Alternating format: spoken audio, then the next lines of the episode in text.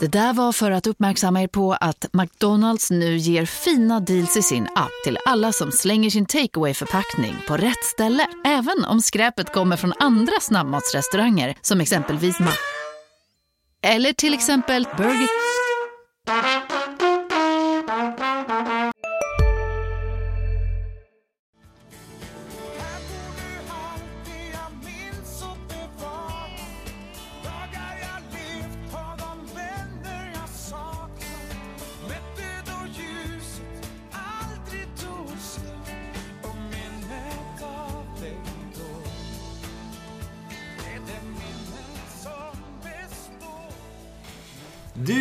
lyssnar på GIF-podden med mig, Lukas Alin. Med mig, Oskar Lund. Och med oss i rummet har vi ju en till person som eh, ska få kolla lite hur det går. Du kan väl berätta vad du heter? Jag heter Hugo Jonasson.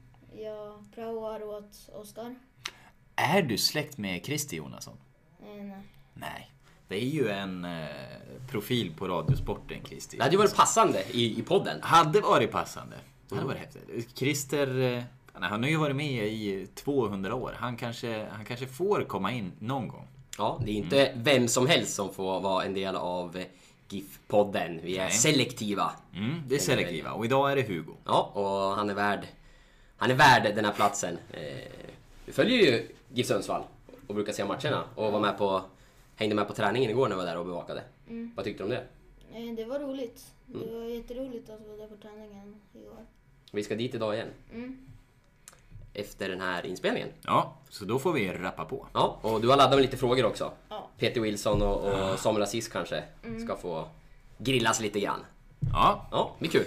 men eh, den här... Eh, jag vet inte, man går väl fortfarande lite i efterdyningarna av eh, matchen mot eh, Norrköping. En del intryck. Jag såg eh, matchen eh, på TV, men eh, ett bestående intryck som, som hängde med redan när eh, han var i GIF Sundsvall. Det är ju uttalet på Fjolessons namn. Varför ska det vara så svårt? Han får ständigt heta Fjölesson i TV. Ja, du har ju tagit upp det här tidigare. Ja. Och eh, jag... jag gör det igen, det kan inte göras nog många gånger. Nej men det, det är rimligt. Det är fullt rimligt för att eh, jag tänkte på det. Jag, faktiskt första matchen i år som jag eh, också såg på TV. Jag var inte på plats live. Jag önskar och, att eh, jag hade ditt jobb. Men eh, jag jobbade då och såg den på TV. Men, eh, och jag bara störde mig på det där direkt. Och Mm. det fanns ju... eh, Första gången jag, jag hörde det så dök ju dina ord upp och, och din eh, ilska över det här. Eh, och det var ju... Det är ju en hjärtefråga. Nej, jag hakade upp mig på det. Det var, det var, jag hade svårt. Min arbetsmiljö blev, eh, blev ja, inte bra den Mm. här gången för att det, det, det störde mig. Sen, jag ska säga, jag vet egentligen inte vad är det korrekta uttalet om jag ska vara helt ärlig. Men jag har Ja. svårt att tro att det är ett ö där. Ja, och, och jag... Det, det blir så. Det, det drar ju ner helhetsintrycket i övrigt. Man, han är ju en kompetent eh, kommentator Absolut. liksom, och kan kommentera matcherna. Men just det här, det blir varje gång han är inblandad i en duell. Så tänker jag, men vad fan! Nej, det var... Och, och, och, och det blir ju så. Men, men jag har försökt att forska lite tidigare i eh, hur man uttalar namnet. Och Fjolesson är ju inte heller riktigt rätt. Men det känns ändå som en försvenskning av, eh, av namnet. Jag tror att det korrekta är Fjolesson. Okej. Ehm, Och då ska inte vi slå oss för bröstet själva heller. Nej, vi, nej, nej. Men vi säger inte Fjölesson i alla fall. Nej, och det är värre För, då. för har du ett O med en accent över, då, är- då är det ju Fjolesson. Om du har ett liksom, svenskt uttal. Det går ju inte att helt... Eh, liksom, det skulle ju bli löjligt om vi skulle kopiera alla uttal. Det skulle vara jättejobbigt med franska spelare. Men, Mm. men eh, någonstans på rätt spår kan man väl få vara. Ja. Är du hård här? Men eh, det är ju fler namn ändå i Giffarna som, som det har varit problem med genom åren. Och då tänker jag på eh, Anders Linkvist, vår eh, första lyssnare, påpekade jag också. Shenofi. Eh, har, jag ska säga att jag vet inte riktigt heller vad som är rätt. Men där har man ju fått höra Shenofi en del Ja, i TV också. Och, faktiskt. och det känns Det känns rätt. fel, Ja. men eh, samma där. Och, och det är intressant där för att vi har ju, när man jobbar med, med tidning och med skrivande, eh, så har man ju inte behövt reflektera över det här så ofta. Nej. Men i takt med att vårt jobb har förändrats och det har blivit mer TV, livesändningar, eh, vi spelar in podd, eh, då hamnar man ju oftare i i den här situationen att man måste kunna uttala namn. Mm. Och eh, där kan vi väl ge oss själva en liten eh, snyting då kanske att eh, vi behöver nog bli bättre och kanske tänka till. Jag vet ju att man inom radiovärlden och, liksom, ja, proffskommentatorer eh, verkligen ja, men, lär Det blir ju sig verkligen en del av man- förberedelserna. Precis, och där tror jag att, faktiskt att vi behöver snäppa upp oss lite grann. Eh, vi tog ju reda på Lars Gerssons namn senast då. Och det var ju bra att få, få det klart en gång för alla. Men det finns ju redan idag i truppen också spelare som man inte är helt säker på hur man egentligen ska uttala deras namn. Och det, eh, Vem skulle du säga att det är främst nu då? ja, det har ju varit, Gerson har ju varit en, sen har du väl Morsey, hur du ska Ja. uttala det efternamnet. Där varierar jag väldigt mycket också. Ja, betoningen kanske på Smiles efternamn. Söljevic, Söljevic. Men sen, sen även i, i skrift. Ja. Danielsson är ju lite utav ett mysterium för Ett många. S. Ja, det ska, det ska ju vara ett S. Det har ju vi rätt ut. Samtidigt så, alltså tröjorna är väl fortfarande upptryckta med två S. ja, nu har, De envisas väl med det? Det var ju så i alla fall. Eh, eh, var det förra säsongen? Som Mm. det var två S va? Eh, så att, eh, ja. Nej men han har haft två S i många sammanhang. Ja. Och, Och, eh, och det hänger ju med förstås därmed i eh, kvällstidningar till exempel. Jag såg en text om honom där han för övrigt gjorde ett väldigt intressant eh, uttalande på Sportbladet. Att Mm. De diskuterade lite hans framtid, eller han fick en fråga om framtiden och sa att eh, Ja men då liksom ska, ska Giffarna han antydde väl att ska jag stanna i Giffarna då, då får de ju inte sälja sina bästa spelare hela tiden. Då kommer vi inte bli ett topplag. För det har ju han som ambition. Men stavningen i artikeln eh, varierade ju. Det var både 1S och 2S. Ja, och det, då får man ju Ja. någonstans eh, rikta lite kritik Ja. mot artikelförfattaren för att Ja. det är inte okej. Jag tror att det var, eh, dessvärre, det var ju någon av dem väldigt kompetenta. Ja, Sådär. för att, De- att det blir de fel många är ju en sak. För det är ju svårt att veta det här med ett eller två S då, med tanke Mm. på att det är så pass står olika på olika ställen. Men, Men man får eh, vara konsekvent Man får vara fel. konsekvent fel, det är bättre. Det är bättre. Eh, en annan sån, apropå det här. Eh, Skulason fick ju också en tröja upptryckt med två S en Mm, gång. Undrar om det är samma skyldige. Men han, han vägrade väl att ta på sig den och till slut så hamnade den på Lars Sjölund som då var media eh, ansvarig eller något liknande. Han hade någon allt i allo-roll i alla fall. Oklar titel, men motsvarande media eh, snubben.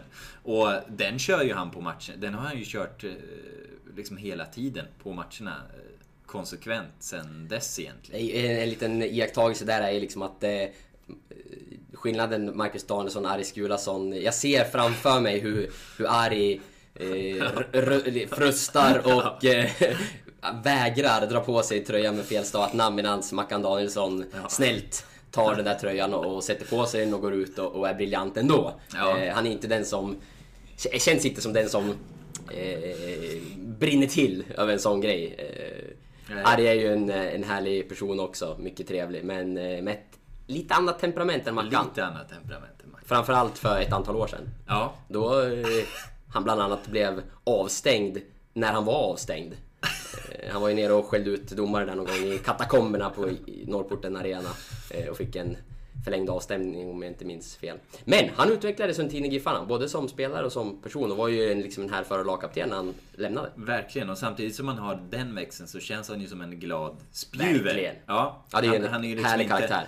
Han tar inte med sig den stubinen till utanför planen. Nej. Men det är nästan så. Jag tror att vi har pratat om det förut. Att det blir, det blir lite Dr Jekyll, Mr Hyde över många. Samma många, sak med precis. Tommy Naurin som är så härlig utanför planen.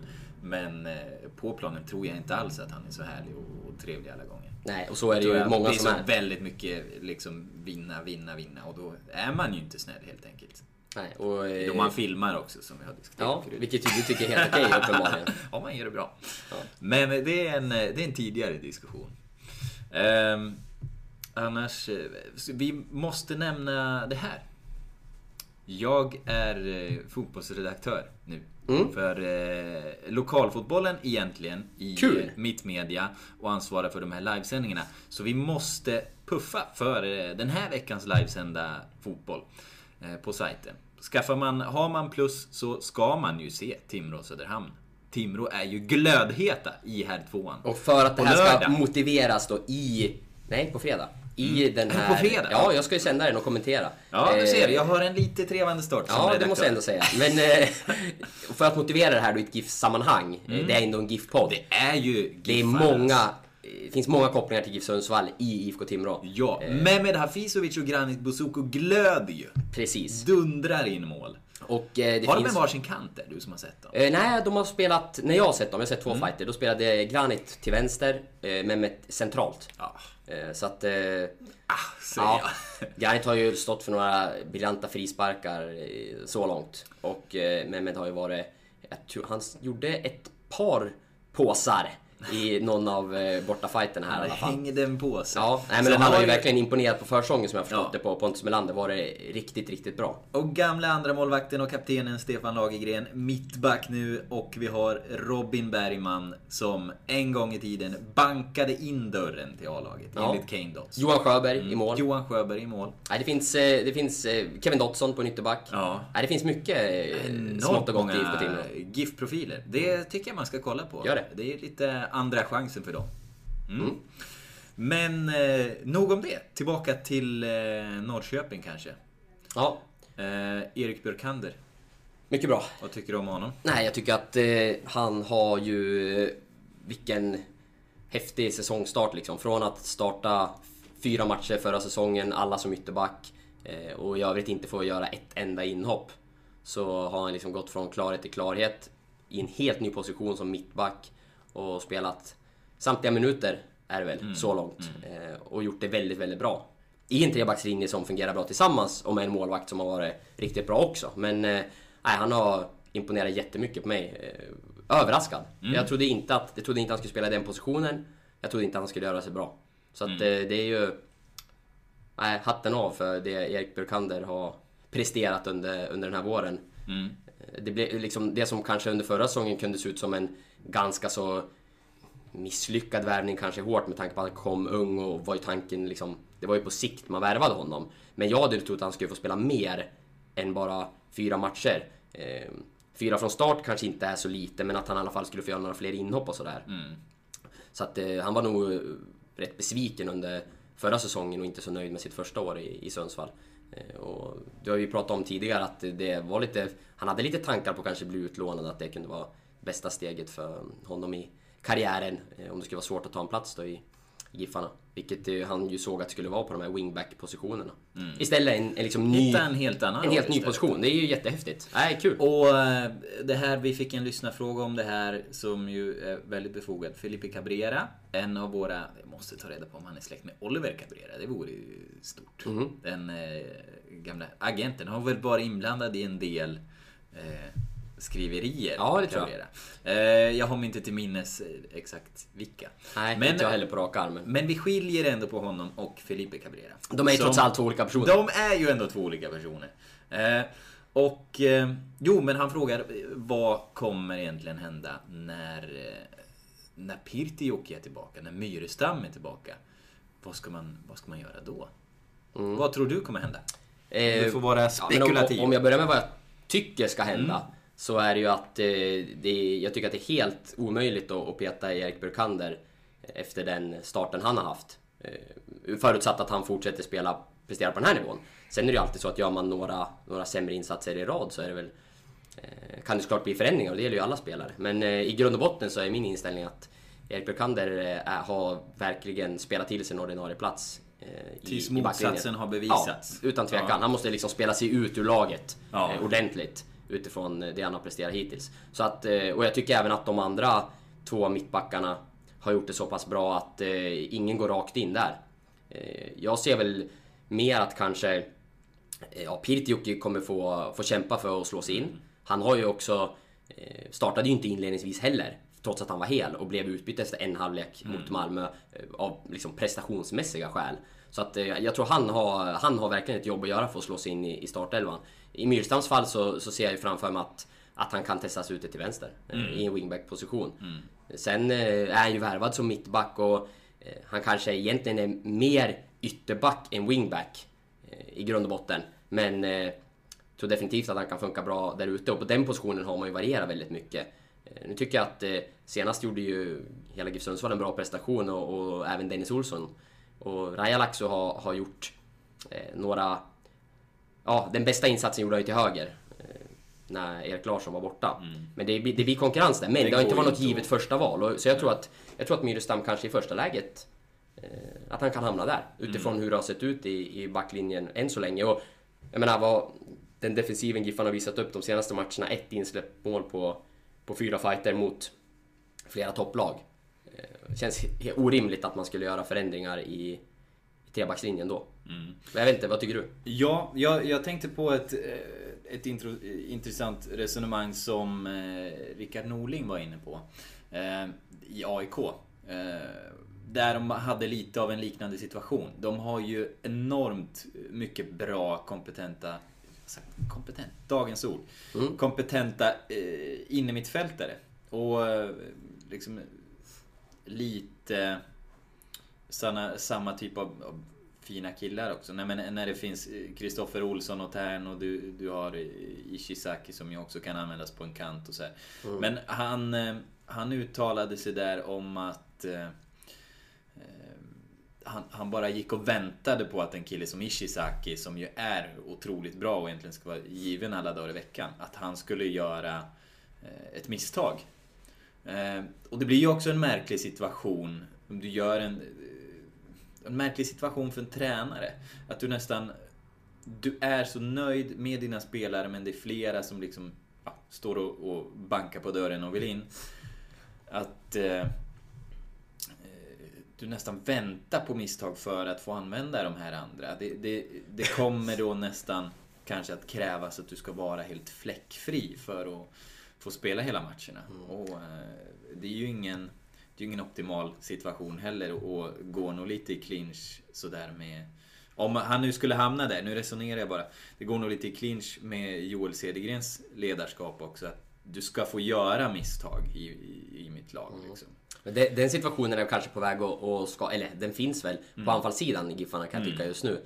För den position som det är mest konkurrens på, där det är närmast mellan två spelare, det är ju Peter Wilson och Linus Alenius. Nu när man gjorde om systemet lite grann och det egentligen bara är en central riktig anfallare. Eh, De andra två spelarna, eh, ja vad kallades de nu? Lars Gerson berättade ju det i förra avsnittet. Nu minns jag inte namnet bara för det. Eh, och det var något lite spanskt. Vi skulle ju etablera det. Ja. Vad har vi gjort för jobb? Nej, vi får- Han sa... Vi får backa bandet här. Nej, Ni trogna lyssnare kommer ju såklart ihåg. Eh, Ja. Vi kommer komma på det i samma sekund vi här stoppar podden. läge. Ja, men de, i alla fall de positionerna är lite mer... eh, Det kan bli två yt- yttre anfallare när man spelar i anfallsspel och när man går upp och pressar och sådär. Men det är ju inte två renodlade forwards liksom. Nej. Så att nu har det blivit ganska tydligt att Wilson och Hallenius slåss om en plats. Och, och där känns det ju kanske lite så nu, och kommer säkert vara framöver, att eh, är det en av dem som inte gör en klockren insats och klockan börjar ticka upp mot 60, då kan det bli ett tidigt byte. Och, eh, ja, de- den, eh, den situationen kommer kanske fortsätta tills någon av dem verkligen eh, tar chansen och gör två, tre bra matcher i rad och kanske ett par mål också. Eh, och att det blir en tydlig etta. Just nu har ju Peter Wilson oftast gått före, men det har ju också berott på att Hallenius eh, har varit tvungen att tacka nej till att spela från start två gånger egentligen. Eh, Då han hade, var skadad mot Hammarby och blev pappa kort innan matchen mot AFC Eskilstuna. Nu tror jag att de kommer skifta på, på söndag och att Hallenius startar då. Det trodde jag Det de kan skulle jag gjort. sätta en slant på. Ja, det hade jag redan kunnat satt en slant på inför förra matchen faktiskt. Jag Men trodde då de har du förlorat den. Ja, det hade jag gjort. Och så kan det bli på söndag igen. Men, Ja. men nu tror jag skiftet kommer. Men där har man ju verkligen den situationen. Och den kan ju komma i backlinjen nu när de här spelarna börjar komma tillbaka. Samtidigt så... Jag tror att man kommer vara betydligt mer försiktig och göra förändringar Mm. i en trebackslinje när man har varit så bra defensivt. Där vill man ju inte byta och man gör ju sällan förändringar i en match där, ja, Malmö borta gjorde man det.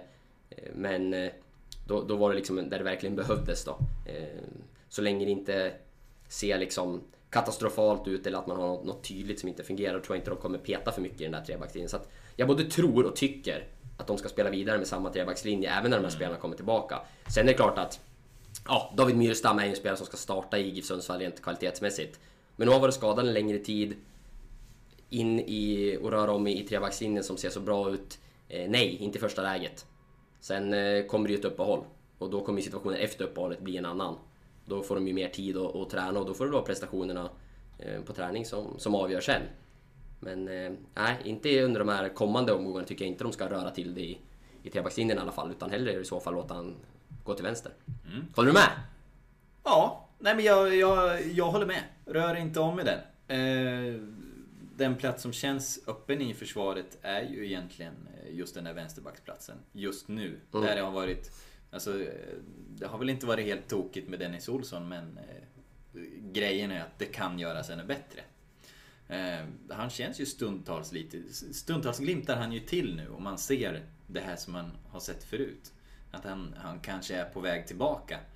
Men eh, nu har de så bra backar att det är nästan som att... Eh, alltså, tråkigt nog. Eh, för hans skull och, och e-, egentligen för oss som, som tittars skull. För det vore ju verkligen kul om han får ut det där lilla sista.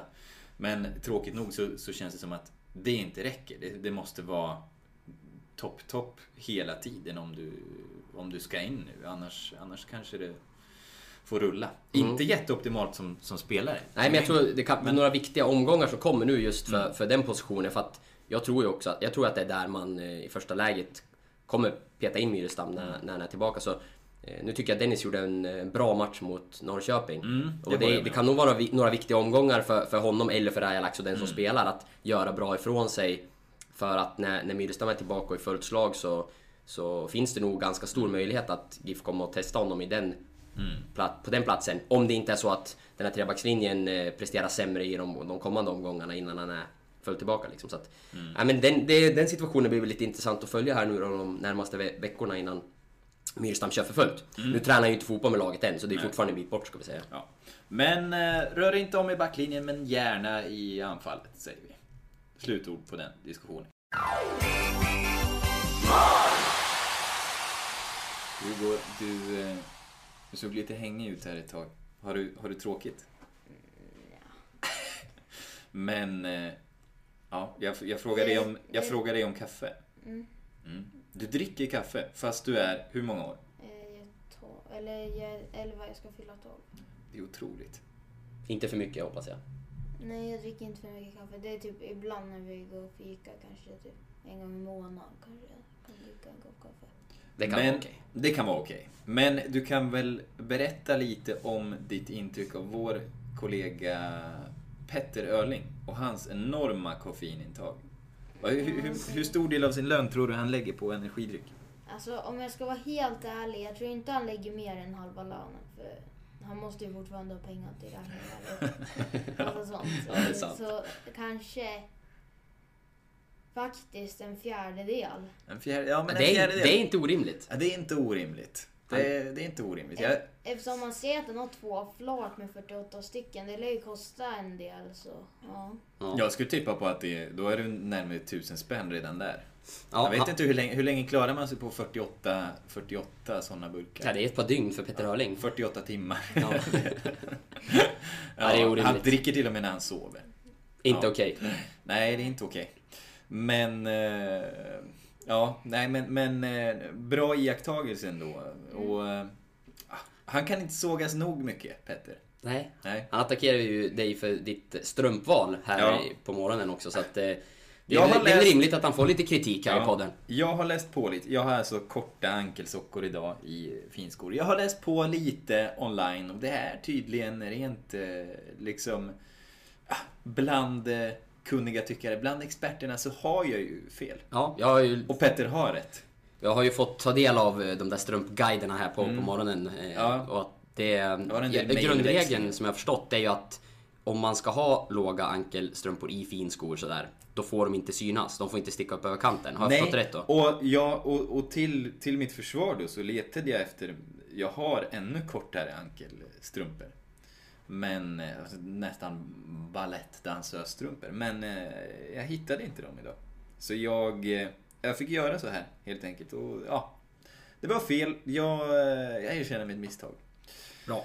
Bra. Men eh, jag vill... Eh, vi kommer gå tillbaka till, eh, till matchen. Det var några andra individuella prestationer som var intressanta. Men jag har också gjort en liten iakttagelse. Eh, jag har inte direkt förberett något manus här, men jag har eh, skrivit ut en artikel. Mm. manus. Vi är ju inte manusbundna här. Nej, det det har vi aldrig varit. Så att, eh, ja, ja, allt är som vanligt. Men så är det. Jag hittade en gammal DN-artikel. Det började så här med att vår kollega och vän Roland Engström skrev på Twitter att med Norrköpings alla hörnor så borde det komma ett mål snart. Och då tyckte jag mig ha hört att det krävs väldigt många hörnor innan det väl blir mål på en hörna. Eh, jag googlade på det här för att kunna ge svar på tal till Rolle. För, jag skrev i första läget att rent statistiskt så eh, krävs det så många hörnor för ett mål så att eh, det spelar nog ingen roll. Och då svarade han, vi får väl se. Eh, då googlade jag. Då googlade jag igång och hittade siffror. Eh, det finns nämligen en eh, fotbollsforskare från Tyskland som heter Roland Loy. Som då har iakttagit Bundesliga, 18 säsonger av Bundesliga, granskat alla mål och tittat på hur mål kommer till.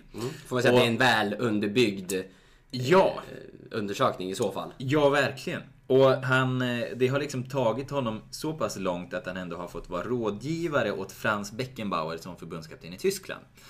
Eh, och då har DN gjort en lång intervju med honom där han bland annat pratar om det här med hörnerna just.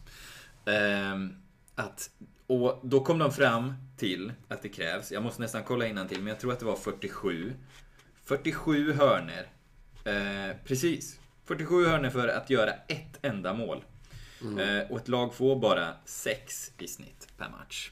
Så att, eh, jag svarade ju det till Rolle att eh, för efter första halvlek hade de ju släppt till 10 hörnor då. Så jag sa att ja, de kan släppa till 36 hörnor till utan problem. Eh, och eh, jag tyckte att det var intressant. Det fanns fler, fler inslag i den här som jag tyckte eh, talade lite för en känsla som jag fick i första halvlek. För även om eh, Giffarna eh, släppte till ganska mycket chanser och så, så skapade de också några och det kändes som att jag fick aldrig känslan av att eh, poängen riktigt var i fara i första halvlek. Ska jag säga. Även om de släppte till så mycket chanser och så mycket hörner. Eh, för det handlar ju lite också om... I NHL pratar man ju om fancy stats. Varifrån man gör mål och sånt där. Det här har jag lärt mig av kollega Alexander Nilsson, hockeynörd. Eh, lite om varifrån man gör mål. Och det, det handlar ju lite om liksom varifrån kommer alla de här avsluten då och, och hur kommer de till?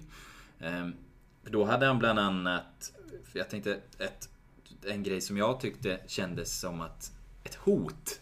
Det var ju kantspelet i Norrköping med Eliasson bland annat. Var det Bärkroth på andra kanten? Från start, sen blev han utbytt. Precis, och de kändes ju som hot på sättet de bryter fram. Men rent statistiskt, enligt Roland Loy, så är det bästa att eh, släppa till på kanterna. Han, eh, han eh, säger så här, ska se om jag hittar det. I En artikeln. lång artikel. Det är en enormt lång artikel. Men, eh, nej men han, han menar åtminstone, jag kommer ihåg det hyggligt i minnet. Jo, men han har undersökt just det här myten att eh, anfall, anfall längs kanterna. Eh, är ju något man har hört ganska ofta. Ja. Man hade undersökt det och han säger att spela sig igenom i mitten är precis lika bra som att ta sig fram på kanterna. Och han menar ändå att kanterna är ganska eh, ineffektivt. För det är en längre färd till mål och kan man inte kan man inte bryta in i planen med fart då så, eh, så blir det ju att anfalla med inlägg. Och eh, resan i luften för bollen tar längre tid. Den är lättare att nicka bort och det är lättare för målvakten att fånga in. Så kantspel, eh, det är okej att släppa till lite på kanterna. Mm. Eh, Skit i och- ytterbackarna, helt enkelt. Ja, precis. Men låt dem, låt dem slå in sina bollar och, och ta bort dem. Men sen samtidigt... Eh, eh, det kändes ju också som att Giffarnas... Jag vet inte vad statistiken för possession var. Men eh, han avlivar också den här myten. Den som har bollen kontrollerar också motståndaren. Eh, det här sågar han Mourinho. För frågan var så här. Chelseas manager José Mourinho anses vara en av de klokaste analytikerna i branschen. Han säger den som har bollen kontrollerar också motståndaren. Då svarar Loy. Citat. Där är den så kallade gurun Mourinho inne på helt fel spår. Av bollinnehavet går inte att dra några slutsatser om resultatet. Faktum är att laget med större bollinnehav bara vinner 34% av alla matcher. Eh, och det har ju blivit väldigt modernt med det här bollinnehavsspelet. Som till exempel Barcelona har. Men förmodligen är det väl så att du måste vara det lag som gör det bäst för att det också ska vara effektivt. Eh, Giffarna har inte gjort det så himla bra. Eh, får man säga än så länge. De har haft högt possession men har ju inte vunnit så mycket. Än så länge. Och det har vi varit inne på tidigare att de kanske rullar bollen för långt ner. Det hotar inte. Motståndarlagen behöver då inte gå upp lika hårt i pressspel om Giffarna ändå inte tar sig framåt. Och därmed är det kanske inte så uttröttande. Nej, och jämför man lite med, med förra året så det har vi Mm. varit inne på kort att eh, nu när man har verkligen dragit ner en spelare till att spela med tre mittbackar, i fjol var det mittfältare som kom ner och hämtade bollen. Då blev det kanske naturligare att ta steg i banan också. Eh, nu blir det lätt att man blir kvar i den där Mm. Trebackslinjen och bollar. Eh, vilket ju, ja, förmodligen gör så att man skapar färre målchanser skulle jag tro. Utan att ha sett någon Mm. eh, jämfört en massa statistik med färre mål i alla fall. Eh, och eh, ja, det hänger säkert ihop. Mm. Och Sen har ju precis... defensiven blivit bättre. Ja. I, I samband med det. Ska man ju Verkligen, verkligen. Den är, skulle jag säga... är Ramstark. Ramstark. Även om eh, det blir mycket skott på Tommy nu. Men så menar den också att bästa sättet att anfalla det är genom eh, kombinationer på eh, ungefär fyra passningar. Eh, inte det här bollinnehavsspelet, det, det långa innehavet. Eh, det är mer överraskande för motståndarna helt enkelt. Och de chanser som Om en yogamatta är på väg till dig, som gör att du för första gången hittar ditt inre lugn och gör dig befordrad på jobbet men du tackar nej för du drivs inte längre av prestation. Då finns det flera smarta sätt att beställa hem din yogamatta på. Som till våra paketboxar till exempel. Hälsningar Postnord. Hej! Hej! Är du en av dem som tycker om att dela saker med andra? Då kommer dina öron att gilla det här. Hos Telenor kan man dela mobilabonnemang. Ju fler ni är, desto billigare blir det. Skaffa Telenor familj med upp till sju extra användare. Välkommen till någon av Telenors butiker eller telenor.se.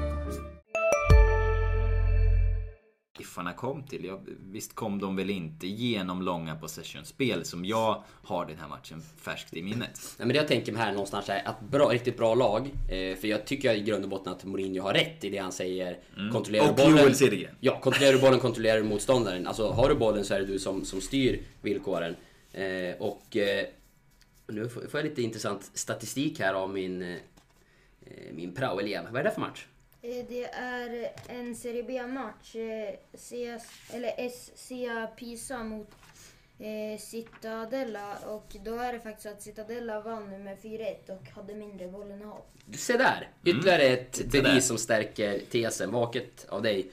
Eh, nej men jag tänker att jag håller med Mourinho att kontrollera bollen kontrollerar man motståndarna. Och eh, är man bra på det så är det väl att, eh, att föredra tycker jag. Men, det handlar ju om att lyckas hitta det här kombinationsspelet som du säger och växla upp farten och slå till när läget finns. Hålla bollen, flytta bollen, låta motståndarna jobba utan boll och när de öppnar sig då måste det gå snabbt. Och det är väl, det är väl den delen som Giffarna har haft problem med inledningsvis att man har klarat av att hålla boll eh, och liksom äga boll men man har haft svårare när man väl ska kombinera och höja tempot och slå till och skapa målchanser. Problemet med possessionspel är kanske att du måste vara bäst på possessionspel för att eh, klara av det Ja. på ett bra sätt. Det kanske inte är för alla. Nej, och en nackdel kan ju också vara att om man, om man är för låst i sitt, eh, sin idé om att äga bollen och liksom vårda den, då kanske man inte ställer om tillräckligt ofta. Och, och liksom omställningar och, och kontringsspel, ja det säger ju sig självt att när motståndaren är oorganiserad så är det lättare att slå till och, och komma till de där kombinationsspelen. Så att eh, det får inte bli att man så fort man vinner bollen väljer att rulla den hemåt och hålla i den och, och låta motståndaren samla sig. Möter man ett helt lag med rättvända motståndare som, som ligger rätt i position och bara kan jobba i sidled, ja då är det inte så svårt att försvara sig, men det är väldigt svårt att anfalla. Så att, eh, det, är väl, det är väl också en aspekt i det där kanske, att eh, man måste ju kunna vara lite flexibel. Ja, och eh, jag skulle vilja tipsa om den här läsningen. På Mm, det lät DN. intressant. Jag, jag kommer läsa den. Rubriken är “Forskningen gör mos av alla fotbollsmyter”. Det tycker jag, det tycker jag kan vara värt en googling. Mm, en bra rubrik. är från, ja, den är från 2006 men eh, jag får känslan av att det här är eh, ganska tidlöst. även om tysk fotboll har eh, förmodligen förändrats på de 18 åren, efter de 18 åren han undersökt, så, så känns det här jag tror att det är ganska konstanta nämnare utan att ha något statistiskt belägg för det. Mm. Men eh, så är det med det, helt enkelt. Eh, Naurin fick ju mycket att göra. Det var ju mycket chanser på honom. Jag tittade på en avslutskarta. Eh, hyggligt mycket kom från kanten, men det kom Mm. mycket avslut från centralt också. Han gjorde en jättematch. Ja, utan Och tvekan. Nu är det väl dags att ge honom stadens nycklar? Eller? Ja, nej, men han, eh, vilken start på säsongen han har haft. Eh, Som målvakt, man gör ju alltid något misstag eller, eller några sådär. Men tittar man hittills så... eh, Det har gått sju omgångar. Han har hållit tre nollor. Han har gjort flest räddningar i serien. Tillsammans tror jag, om det är Oskar Jansson, det är någon till som står på 38 tror jag. Ja. Och han har bäst räddningsprocent. Och, eh, Jag tror att matchen nu mot Norrköping målades upp i efterhand att, att det var lite målvakternas match. att Mm, var de de fick ju matchens lirare Ja. båda två i, Ja. i respektive lag också. Eh, Och, eh, nej men vilka, han gjorde en fantastisk insats. Det måste ju vara en av hans bästa matcher på, eh, på väldigt, väldigt länge. Även om han gjort eh, flera bra. Och pratar man med honom efteråt, han var ju väldigt nöjd med sin fjolårssäsong. Eh, Liksom, det fanns väl någon, någon plump och det där liksom misstaget mot Helsingborg målet nämnde han ju själv eh, som, som ett, ja, en tung grej liksom som, som tog hårt på honom. Men att han i övrigt gjorde, gjorde bra ifrån sig. Och det var ju liksom en nyckelsäsong för Tommy förra året. Och det visste ju inte så många av oss då. Men han spelade ju utan korsband, vilket han avslöjade här i, i podden. Eh, och det gör det fortfarande eftersom att han inte kommer att operera sig. Så förra säsongen var väl liksom en sådär, eh, ja, vägvisare för honom. Kommer han kunna fortsätta elitkarriären eh, några år till eller, eller inte? Och nu, nu blev det en fortsättning och nu är det högintressant, en högintressant situation tycker jag eftersom att hans avtal med Giffarna går ut. Eh, Han spelar utan korsband, vilket ju kanske inte är helt optimalt. Han har ju lite problem med sin kropp ändå då. eh, Även om han kan gå för fullt nu. Och eh, ja, det, han har en marknadstjänst som väntar här i Giffarna om han väljer att avsluta karriären här. Så att, ja, det är ett ganska intressant läge och jag pratar med honom faktiskt här. Och eh, det kommer väl någon text här i dagarna på lite hur han resonerar kring, kring framtiden. Och ska väl inte berätta för mycket här, men eh, det är klart att det är en intressant situation för så bra som han har spelat nu och i den form han är i så ser nog Giffarna gärna att han, att han fortsätter sin karriär och han blir nog själv mer och mer sugen kan jag tänka mig eh, med tanke på hur bra det går. Eller så Han- vill han avsluta på topp, vem vet? Han har ju verkligen eh, ikonpotential alltså. Och... Ja, han är är, som- ju vår tids Sundfors liksom. Ja men han är en sån profil utanför planen också Ja. liksom på det sättet som han, som han eh, marknadsför GIF Sundsvall och, och den har gjort sig personen han vän med hela staden. staden. Jag tror inte att eh, någon egentligen som stannar honom på stan riktigt skulle, skulle avfärdas, liksom avvisas. Nej, han, är ju väldigt, han känns ju väldigt populär. Mm. Eh, lagkapten. Eh, nu har han gjort en jättebra på planen också och, och väldigt omtyckt utanför. Så att, eh, det är klart att han är... När han, när han lägger handskarna på hyllan så kommer han vara stor i GIF Sundsvalls historia och eh, som det ser ut nu då även fortsätta jobba inom klubben. Mm. Så att... Eh, ja, nej, han har... Eh, han börjar närma sig... Eh, vad, vad säger man? Ålderns höst. Nej, det var inte det jag tänkte. Jag tänkte mer på hans status i, i klubben och i historieböckerna. Beslut. Ja, nej men han... eh, Men det känns, är han så bra även utan korsband så... Äh, varför, han, det är väl bara att köra. Det är väl som... eh, Som det har sagts att hans muskulatur runt omkring är så stabil så att han, han klarar sig utan. Så, så länge han eh, sköter sig perfekt vid, vid sidan om så eh, tror jag gott att han kan fortsätta. Det kan säkert också vara en del i hans beslut att han måste nog lägga ner ett rätt stort jobb, eller ett större jobb än vad många andra behöver göra just för att hålla sig fräsch. Eh, med tanke på att han, att han har den eh, skadehistoriken som han har. Och eh, det tror jag, det sliter säkert. Inte minst psykiskt liksom att behöva, behöva lägga ner mer och behöva jobba väldigt, väldigt hårt för att hålla sig i fysisk trim. Och det är frågan hur länge man orkar och vill göra det.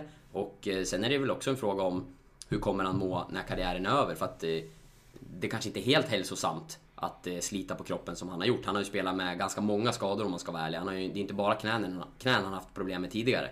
Utan det har väl varit armbågar och eh, ja, någonting mer vill jag minnas. Säkert Han har händer- lösa händer och fingrar och- och, ja. allt det här med stå ut med brutna revben. Ja, och, eller Axel revben hade han näsa menar jag. eller hur det var. Ja, han, det har varit en del. Och det är säkert en del nu som vi inte vet om, kan jag tänka mig. Vi Eh, kanske skulle göra en sån här, det har för Börje Salming-karta. Ja, en Börje, Börje Salming-karta. Vi lägger honom på en brits. På alla hans R Ja. och... Ja men det tycker jag Det skulle vara en bra grej faktiskt. Ja, varför inte? Sen vet jag inte hur ärlig, om vi måste vänta tills karriären är över. För eh, någonting säger mig att Tommy inte kommer vara helt ärliga om vi lägger på den här britsen nu. Utan det kan nog vara ett och annat benbrott som mörkas. Jag kan tänka mig det. Jag kan tänka mig De är inte sådär jättesugna på att prata om alla sina skador. Eh, Och Tommy, han hemlighöll ju en korsbandsskada för oss ett helt år. Så hans trovärdighet, den, har ju, den är ju botten Det är ju otroligt egentligen. Det var ju samma med hans, när han hade den här eh, denguefebern också. Ja. Kommer jag ihåg. Att eh, det var ju nästan en hel försäsong då han inte kunde spela matcher och inte riktigt träna och så här. Men sen var det väl i princip sista träningsmatchen som han eh, eh, som han stod och sen så var han med hela säsongen och, och körde. Och Det kommer ju också fram mycket grej, senare. Det kom ju fram Ja. mycket senare. Nej, och det, jag vet att hans... eh, Den första, om det var första korsbandsskadan, jag tror det. eh, Innan det kom, kom fram att, att det var korsband, det tog också tid den gången. Mm. Så att eh, även om jag, ja, nej det... Så att det, äh, vi kanske väntar tills han har lagt handskar på Hur hyllan. mår han när han vaknar på morgonen tror du?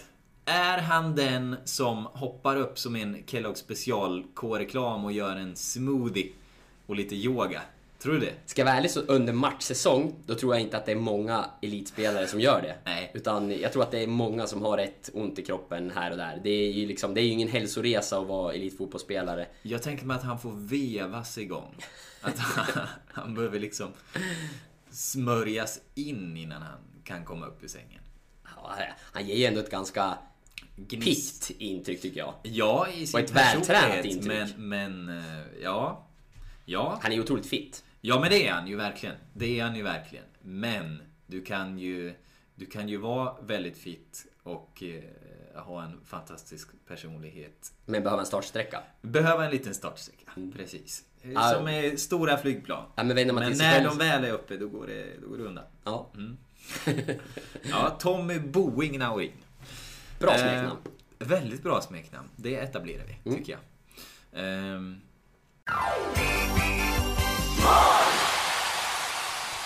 Oskar. Ja.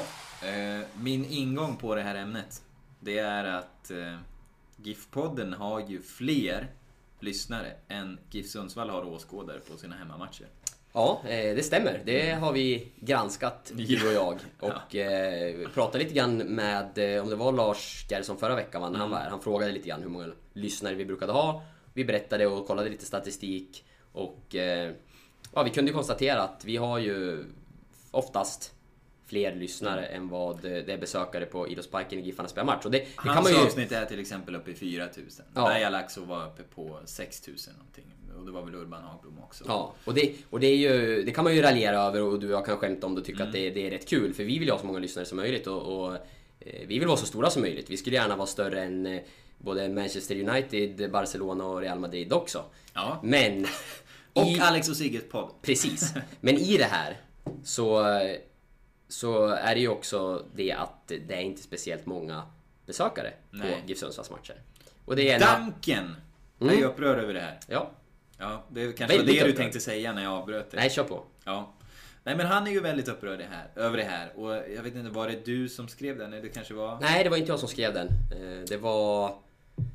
Det var Erik Westlund som hade ringt upp och pratat med, med Johan Andersson då, som han heter efter att eh, han skrev ett Facebook-inlägg där han var... Ja, där var han väldigt upprörd.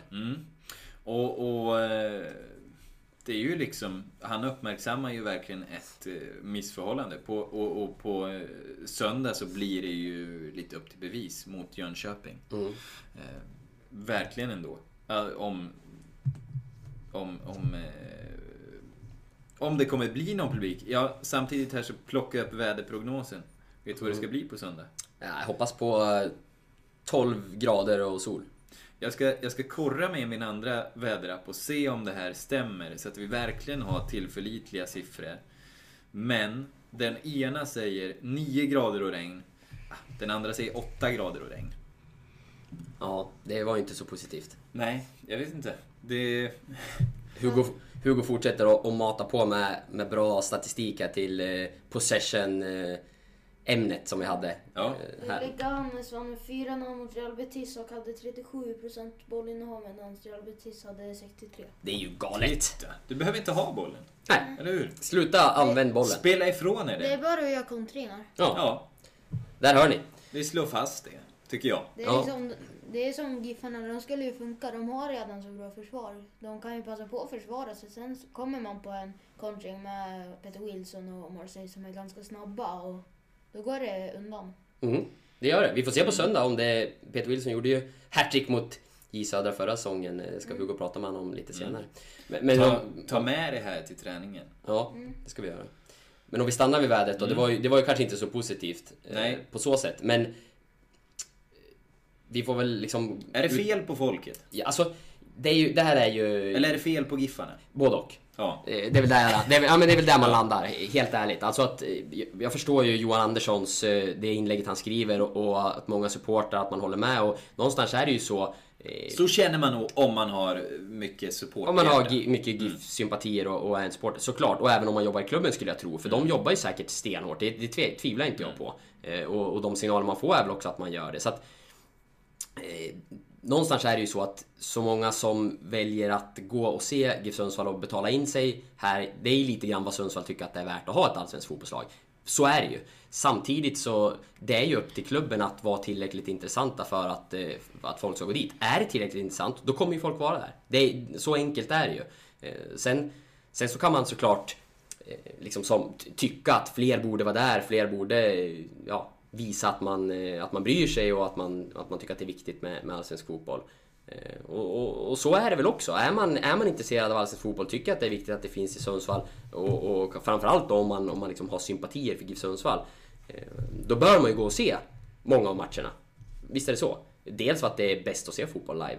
För det är en helt överlägsen upplevelse kontra att sitta i TV-soffan, tycker jag.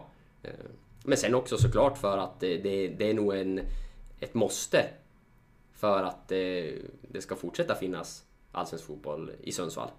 Eh, Men det är ju viktigt också tycker jag i den här diskussionen att man inte glömmer bort liksom klubbens eh, ansvar. Att eh, erbjuda så pass bra Ah, man gillar inte ordet produkt när det handlar om fotboll kanske. Men eh, eh, helheten ändå liksom. Både det sportsliga, att man presterar bra, att man vinner matcher. Eh, och att det, det runt omkring är på en bra nivå. Så att folk tycker att det, att det är värt att vara på plats. Så det jobbar man ju med. Eh, jag har inga jättebra svar för det här är väl, det är väl en fråga man diskuterar liksom överallt. Vad kan man göra på, kring arrangemangen och eh, försäljning och, och liksom... Sen, sen är ju frågan också vad, vad liksom eh, med kringarrangemang ska, ska det vara som... Är det hamburgare och, och, och liksom en, en lasershow som gör att det kommer fler åskådare? Jag, jag tror inte det heller. Det handlar någonstans om eh, vad det är som står på planen och vad de som står på planen står för Mm. också. Men i, i Östersund har de lyckats jättebra. Trots att det är en liten stad så har de väl, eh, nu kan jag inte svära på årets siffror, men SVT presenterar ju den här publikbarometern Mm. tidigare år. Och deras snitt förra säsongen, det var väl det dubbla av vad, vad Giffarna har nu, fast det är en mycket mindre stad. Jag vet inte vad Östersund landade på. där men- har man ju någonstans eh, lyckats med den här folkligheten som Nikola pratade om. Och, och det handlar väl mycket om vad de står för. Det, för det tror jag inte någon har missat. Eh, inte någon som har läst om Allsvenskan eh, överhuvudtaget i Sverige oavsett om man är fotbollsintresserad eller inte. Så är det nästan svårt att, att, att missa vad de står för. Och allt det här med allt, att, att de har engagerat folk på olika fronter. Jag menar, fotboll har varit ganska bespottat bland kulturskribenter. Att det, det liksom med allt våldskultur och allt vad det har varit. Men, men Östersund har haft liksom bokklubb och uppträtt med Svansjön. Och det, på något sätt så gör det ju dem intressanta även för någon som inte är intresserad av fotboll riktigt. Ja, nej, det- mycket annat. Det är att de, de ger människor en andra chans och är väldigt tydliga med att kommunicera det. Den här Mm. killen har inget rent förflutet riktigt som Broa Nouri. Mm. Men vi ger honom en chans och, och låter honom växa här.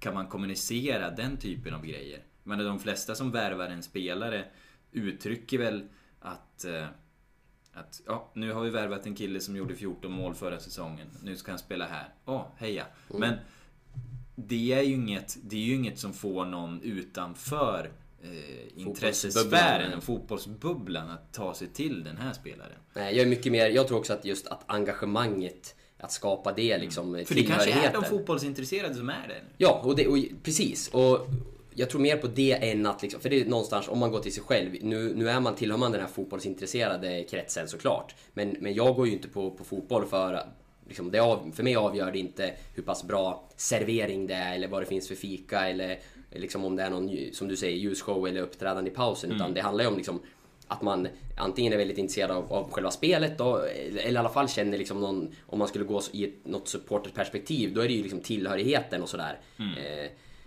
och, och, och det är ju den som GIF Sundsvall behöver bli ännu bättre på. Tror jag. Precis det du är inne på. Och där Östersund är ett, ett exempel på en förening som har lyckats väldigt bra. Eh, där de liksom större klubbarna i Sverige, ta Stockholmsklubbarna, Malmö FF. Och, där är det utifrån kanske en, en historia och det är större städer visserligen. Men man har ändå byggt upp liksom en, en fanbas på ett annat sätt. Där det finns en väldig tillhörighet och man liksom brinner för sina föreningar. Eh, och det, det känns ändå som att jag tror att Giffarna har förstått det här och det, känslan är att man har börjat jobba lite mer med det nu. Eh, att man har några, var något exempel här förra veckan, man har spelare som är ute på, i, en skola och är med på hemspråksundervisning och vi berättar väl om någon, eh, startar någon fond av, eller form av fond eh, för eh, liksom, eh, ja, ungdomar som behöver ekonomisk stöttning för att kunna spela fotboll. Eh, och liksom att man har jobbat lite mer med den här typen av frågor, känns det som, eh, på slutet. Det kanske vi borde gå in på ännu mer. Men Johan Nikola nämnde det ju också när vi hade honom i podden.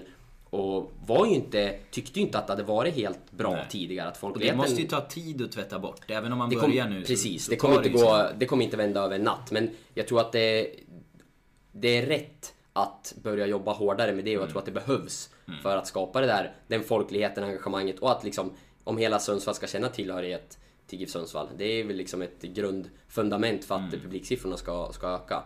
Sen är det säkert viktigt att, man, att arrangemangen är bra och att man, man kommer dit och tycker att, eh, att det är en positiv upplevelse. Liksom. Inte, inte bara Nej. det som, är, det som är på planen utan att man påverkar allting man kan. Men folk drar ju folk. Och skulle fler personer i Sundsvall verkligen brinna för GIF Sundsvall skulle fler gå på matcherna och då skulle det bli en positiv eh, spiral, antar jag. Mm.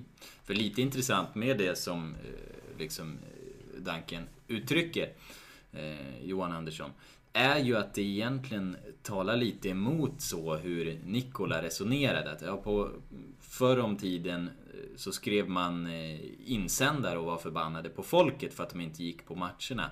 Men det de försöker göra nu det är att se lite mer till vad kan klubben göra för att vara intressant för folket så att de går på matcherna. Ehm, Men jag tror ändå att kortsiktigt så kan det nog bli en, en liten effekt av det här att de som kanske har legat lite i dvala och kanske Kanske brytt sig mer om att kolla på eh, hockeyavslutningen på säsongen nu Att de kanske, ja men Ja men vad fan då, jag, jag går väl på nästa Ja, men det blir en då. väckarklocka. Ja, Ja. och det är lite kul grej att det är Danken som är en sån stor profil. Så, ja men det, det kan väl säkert dra några hundra sådär men långsiktigt så så tror jag, några känner nog också, jag kan tänka mig att någon inte riktigt, att, det, att det, på några tar det nog inte på rätt sätt heller att, att känna sig pikad över att man inte har gått, att man får känna sig dålig. För Ja, nej, men så kan det säkert vara för någon, något fall, ja. någon kan nog ta åt sig så. Jag, jag, jag jag att- tycker mer att det, det är härligt att en profil engagerar sig. Men, men jag tror att det kan ta så på någon. Ja, jag, tror att det, jag tycker också att det här är, jag, tror att, jag tror att det är fler som kommer, Mm. kommer ta sig dit än som kommer Men det eh, positiva är att Johan Nikola inte var den som uttryckte det här. Mm. Då tror jag att jag hade tagit fel. Ja, då hade det känts lite som att klubben verkligen Mm. Ja. skyllde ifrån sig Ja. allting och liksom tycker att ansvaret vilar helt på supportrarna. Eh, det är ju upp till, på ett sätt upp till, till Giffarna att eh, få folk att komma dit. Samtidigt som, ja men det är ju, det är ju en synvinkel att visst är det så att fansen är ju en del av GIF Sundsvall. Och är inte fansen på matcherna, eh, då kommer det bli jättetufft för föreningen att behålla ett allsvenskt lag. För, eller det kommer bli omöjligt. Alltså det är ju en, en grundförutsättning. Så som deras ekonomi ser ut liksom. Det är ju inte... Eh, och, så, och så är det ju för alla lag. Ett AFC Eskilstuna som, som flyttar liksom kanske inte har räknat med samma publik eh, inledningsvis. Men på sikt behöver ju alla liksom en supporterskara och besökare på matcherna för att få en, eh, en vettig ekonomi och eh, en bra... Ja, bra stämning på hemmamatchen. Och det, det är ju även i, ska man säga, i det långa loppet så är det om man tittar ekonomiskt, är väl det en grundbulten. Men det handlar ju också om att eh, hur attraktivt det är att spela här. eh, I Sundsvall. Alltså en, en stor publik med bra drag på matcherna. Det är klart att det påverkar spelare också, vad, vad de väljer. Är det en hype kring det här laget och det, det skrivs mycket, det är mycket folk på matcherna, det är bra stämning. Eh, ja, det kommer ju påverka ekonomiskt. Men det kommer också göra att förmodligen spelare tycker att det är, liksom, det är roligare och mer attraktivt att spela här. Det tror jag definitivt. Jag tror att det är många spelare som väljer bort klubbar på grund av att det är eh, ja, lite intresse och inget drag. Mm. Jag tycker att det är ett bra slutord och att vi går vidare. Ja.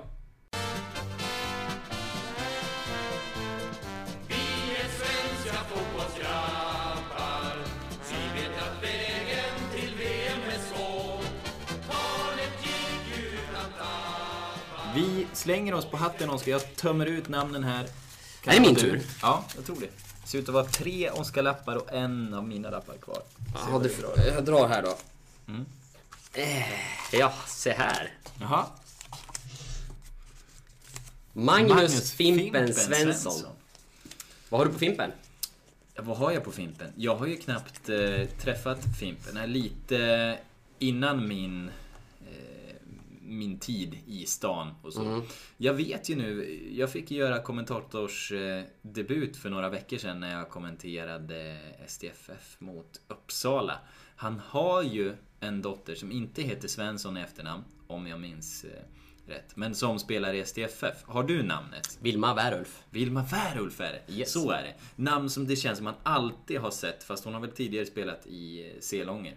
Som man alltid har sett ha poppat upp i de här Har varit med i ett flicklandslag och Ja. spelar ju vänsterback precis som sin Ja, far. och har väldigt fint tillslag, tar eh, fasta situationerna där det behövs en vänster åtminstone. Eh, gjorde det då.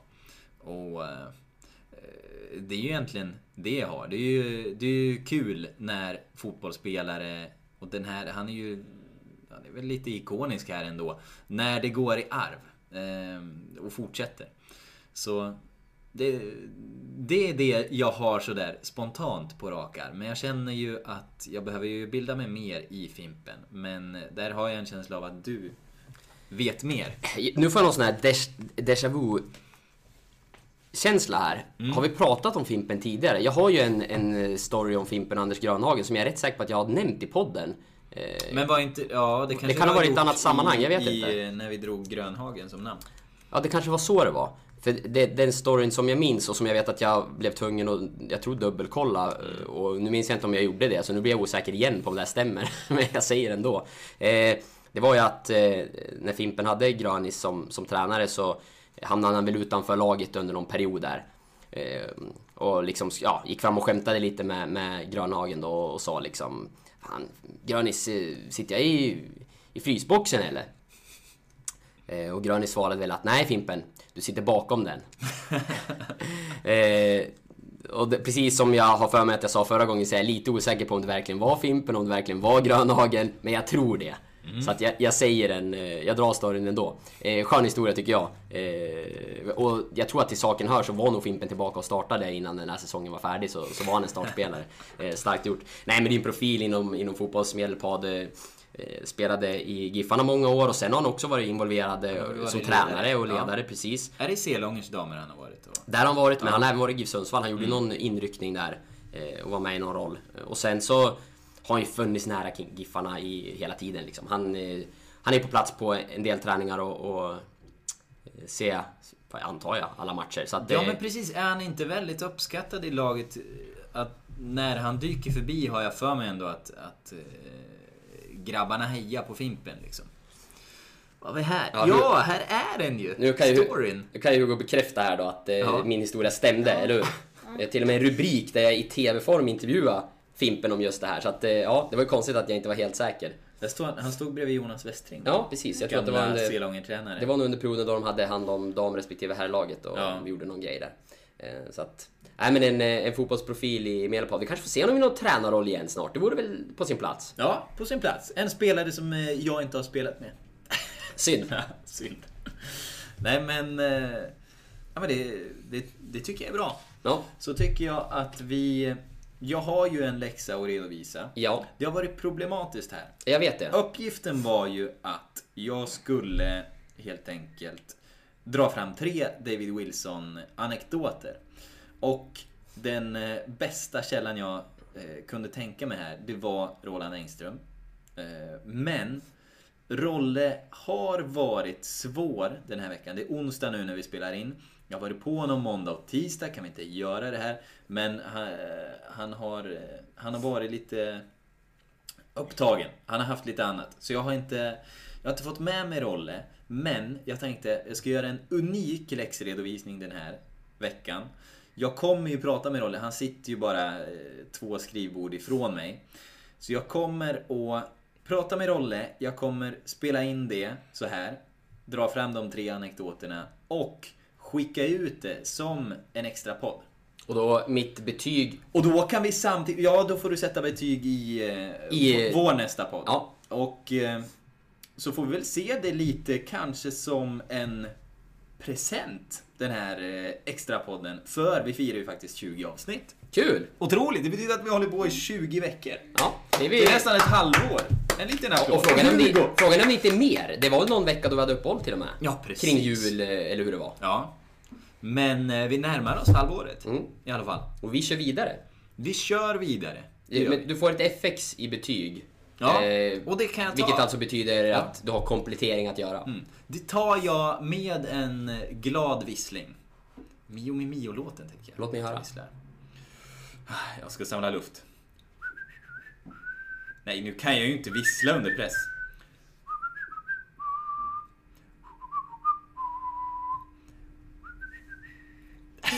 Ja, det är bra. Ja, det är... Ja. Litet musikaliskt nummer också. Du har ju uppträtt med den här eh, brasilianska kampsången, så nu kände jag ju att... Ja, nu får väl jag ta ton också. Vi har bidragit till eh, kulturen, eh, till fot, alltså kombinationen Precis, fotboll och det är kultur. därför vi är så folkliga. Ja, och där, med det skickar vi väl också då en eh, uppmaning till GIF Sundsvall. Mer musik, mer sång och dans. Ja, Vi vill- en trumma till. Vi vill se... Vi hade ju, jag hade ju en läsning här med Tommy Bergersen nyligen. Eh, för, er som har inte, för er som har missat den, läs den. Gamla Giffare, vår serie som vi kör.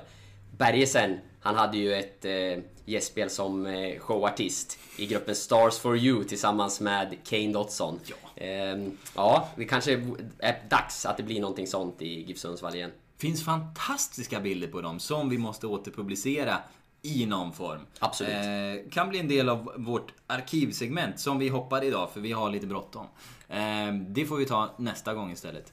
Nästa vecka hoppas vi att vi har en gäst och med de orden kanske vi helt enkelt ska tacka för oss så får ni springa på giftträning. Vi gör det. Skicka gärna in önskemål om vilken gäst ni vill ha. Vi har Ja. ingen bestämd än så länge. Precis, och eh, fortsätt eh, tycka till, kommentera, ställ frågor. Det är jättetrevligt. Man får använda den här eh, eh, mindre använda hashtaggen GIF-podden eller så eh, ännu hellre nästan egentligen skriva till oss personligen på Twitter. Eh, idag har ju vår första lyssnare Anders Lindqvist eh, fått bidra men också Felipe Cabrera och det tycker vi är kul. Stort vi, tack för det. eh, Vi älskar ju er. Ja, det gör Ja, ja men det gör vi. Tack för den här veckan. vi. Nu drar vi Hugo.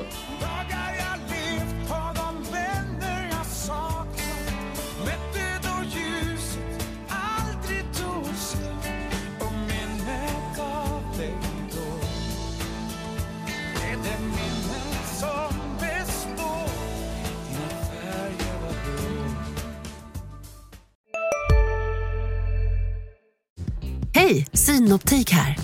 Så här års är det extra viktigt att du skyddar dina ögon mot solens skadliga strålar. Därför får du just nu 50% på ett par solglasögon i din styrka när du köper glasögon hos oss på Synoptik. Boka tid och läs mer på synoptik.se. Välkommen! Var du än är och vad du än gör så kan din dag alldeles strax bli lite hetare. För nu är Spicy Chicken McNuggets äntligen tillbaka på McDonalds. En riktigt het comeback för alla som har längtat.